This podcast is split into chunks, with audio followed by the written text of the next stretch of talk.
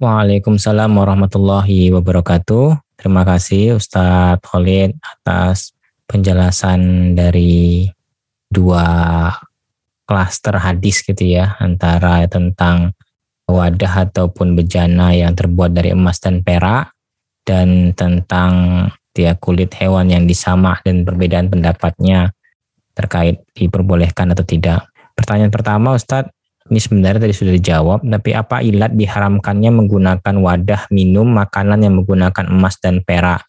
Kalau semisal ilatnya terletak pada tasyabuh, tidak adakah argumentasi yang lain yang lebih memberatkan keharamannya dari hanya sekedar tasyabuh, Ustaz? Ya kalau di hadisnya tidak disebutkan ilatnya ya. Jadi tentang pembahasan ilat ini kan hanya pendapat-pendapat. Nah kalau hadisnya sendiri ya diharamkan haram saja.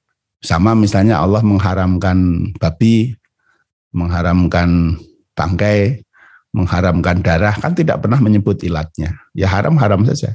Dan bagi kita dinyatakan haram itu sudah cukup untuk kita taati tanpa perlu kita harus sibuk dengan ilatnya.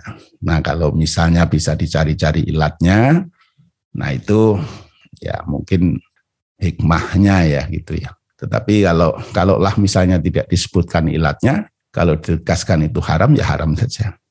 Nah Allah bisa mengharamkan apa saja yang beliau ingin haramkan dan bisa menghalalkan apa saja yang memang dihalalkan. Itu haknya Allah karena memang halal haram itu sesuatu yang tujuannya menguji ketaatan kita sebagai umat manusia. Itu yang paling pokok.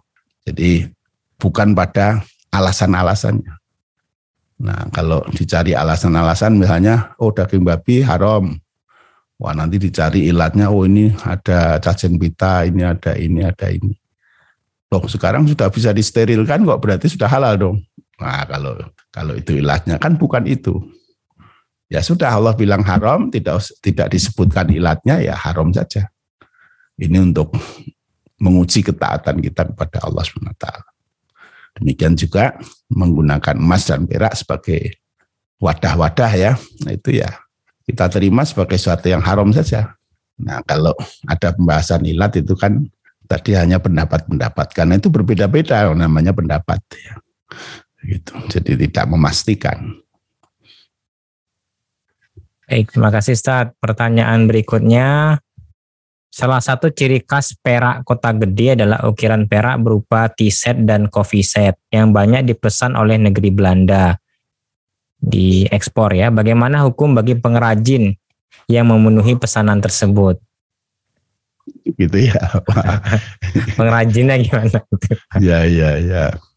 Jadi kalau T-set, coffee set itu kan tadi tidak boleh ya sesuatu yang bagi orang mukmin itu diharamkan, tapi bagi orang kafir itu boleh kan gitu.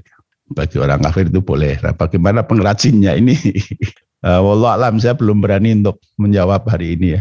Jadi bagaimana pengrajin yang menjual sesuatu yang diharamkan untuk orang mukmin tapi ini tidak di bagi orang kafir tidak ada ketentuan halal haramnya.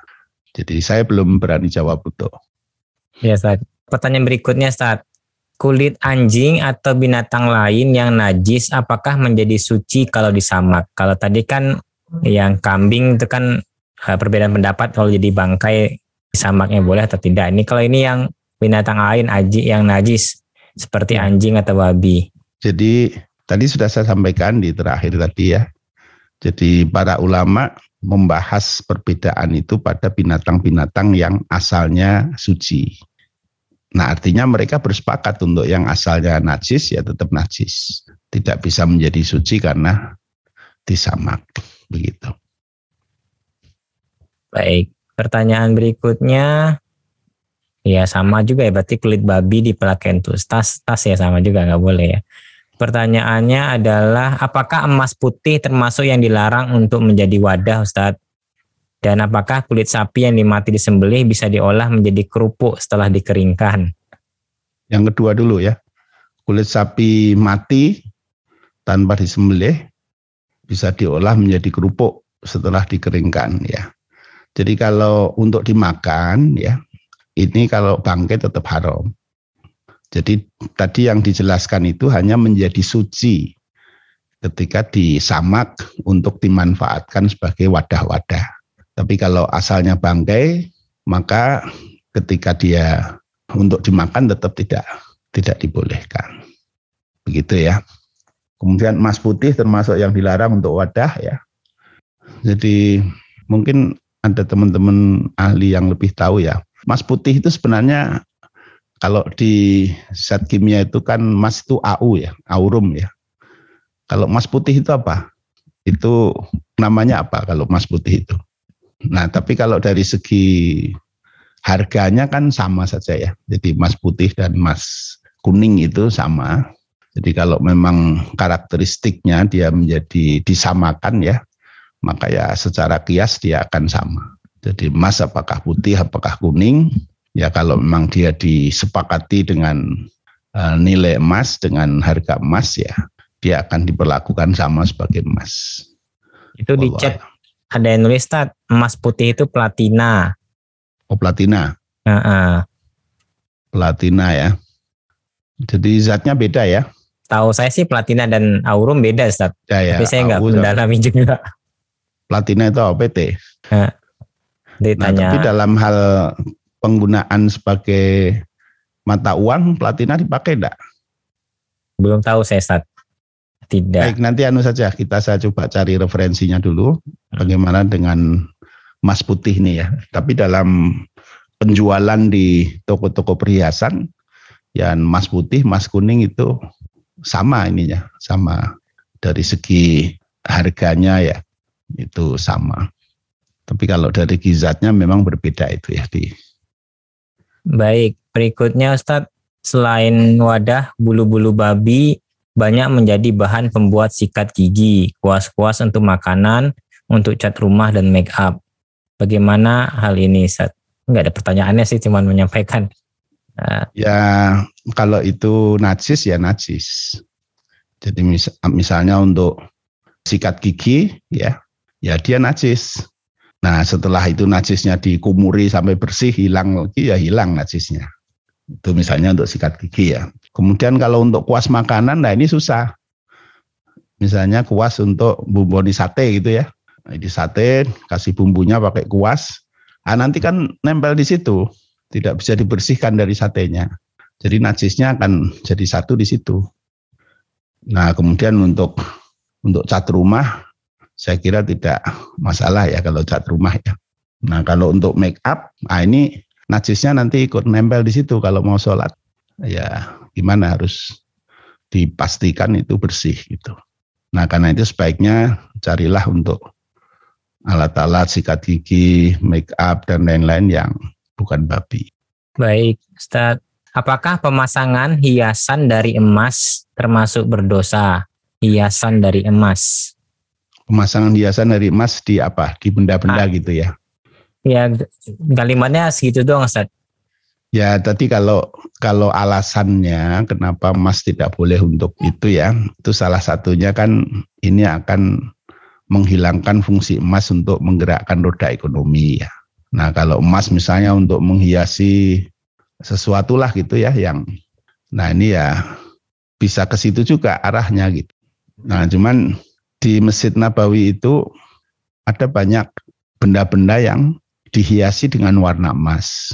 Nah, saya tidak tahu persis ya apakah itu emas betul atau hanya warna emas ya. Jadi misalnya di pilar-pilarnya itu, kemudian di pintu-pintunya dan lain-lain. Nah, tapi saya sih menduga itu bukan emas yang betul-betul emas ya, karena pada asalnya itu menggunakan emas untuk hiasan-hiasan yang seperti itu tidak dibolehkan. Jadi emas itu untuk perhiasan ibu-ibu dipakai, nah itu boleh. Tapi untuk hiasan benda-benda untuk menghiasi cangkir, menghiasi gelas, menghiasi ini tidak tidak dibolehkan. Wallah alam. Ini mungkin belum paham betul saat mungkin Ibu yang bertanya lagi, mohon ketegasan lagi Ustadz bahwa binatang haram ketika disamak maka bisa digunakan untuk apa pun sebagai perabot atau alat-alat kosmetik dan lain-lain. Binatang haram? Iya. Enggak, kalau binatang haram enggak. Boleh, Para iya. ulama berbeda pendapat tentang binatang halal yang matinya tidak disembelih. Kalau binatang haram mereka sepakat enggak. Itu memang mungkin perlu ditekan. Aku pertanyaan terakhir Ustaz. Ya. Gimana bagaimana bahan-bahan dari kulit yang kita tidak tahu apakah disama atau tidak pada saat pembuatannya? Kalau kulit sudah dijadikan alat-alat pasti disama. Kalau tidak disama itu kaku kulit itu. Ya. Jadi pasti itu disama.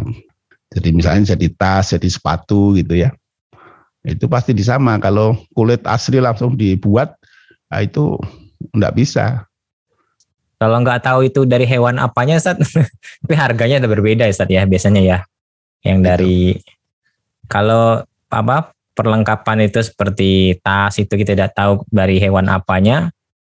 Eh, padahal kan tadi yang kalau dari hewan yang haram tuh ya tidak boleh itu, Ustaz.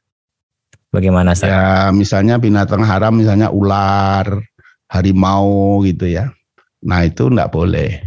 Jadi kalau diduga bahwa ini kulit-kulit ini, kalau misalnya ular harimau kan biasanya warna-warnanya dipertahankan.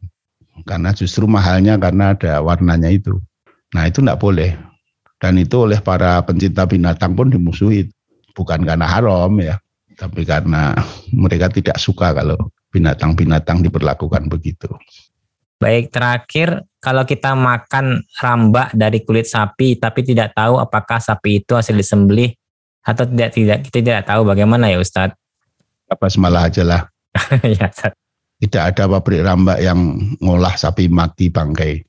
Jadi pabrik rambak itu selalu dari dari penyembelihan-penyembelihan sapi.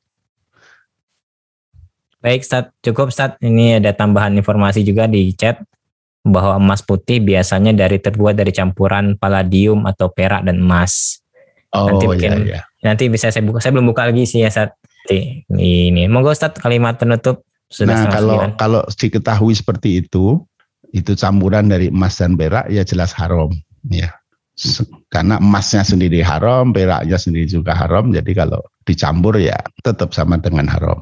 Baik, saya kira demikian dan mudah-mudahan kita akan terus sedikit demi sedikit mengkaji hadis-hadis Nabi ini baik di malam Senin dengan hadis-hadis hukum ya.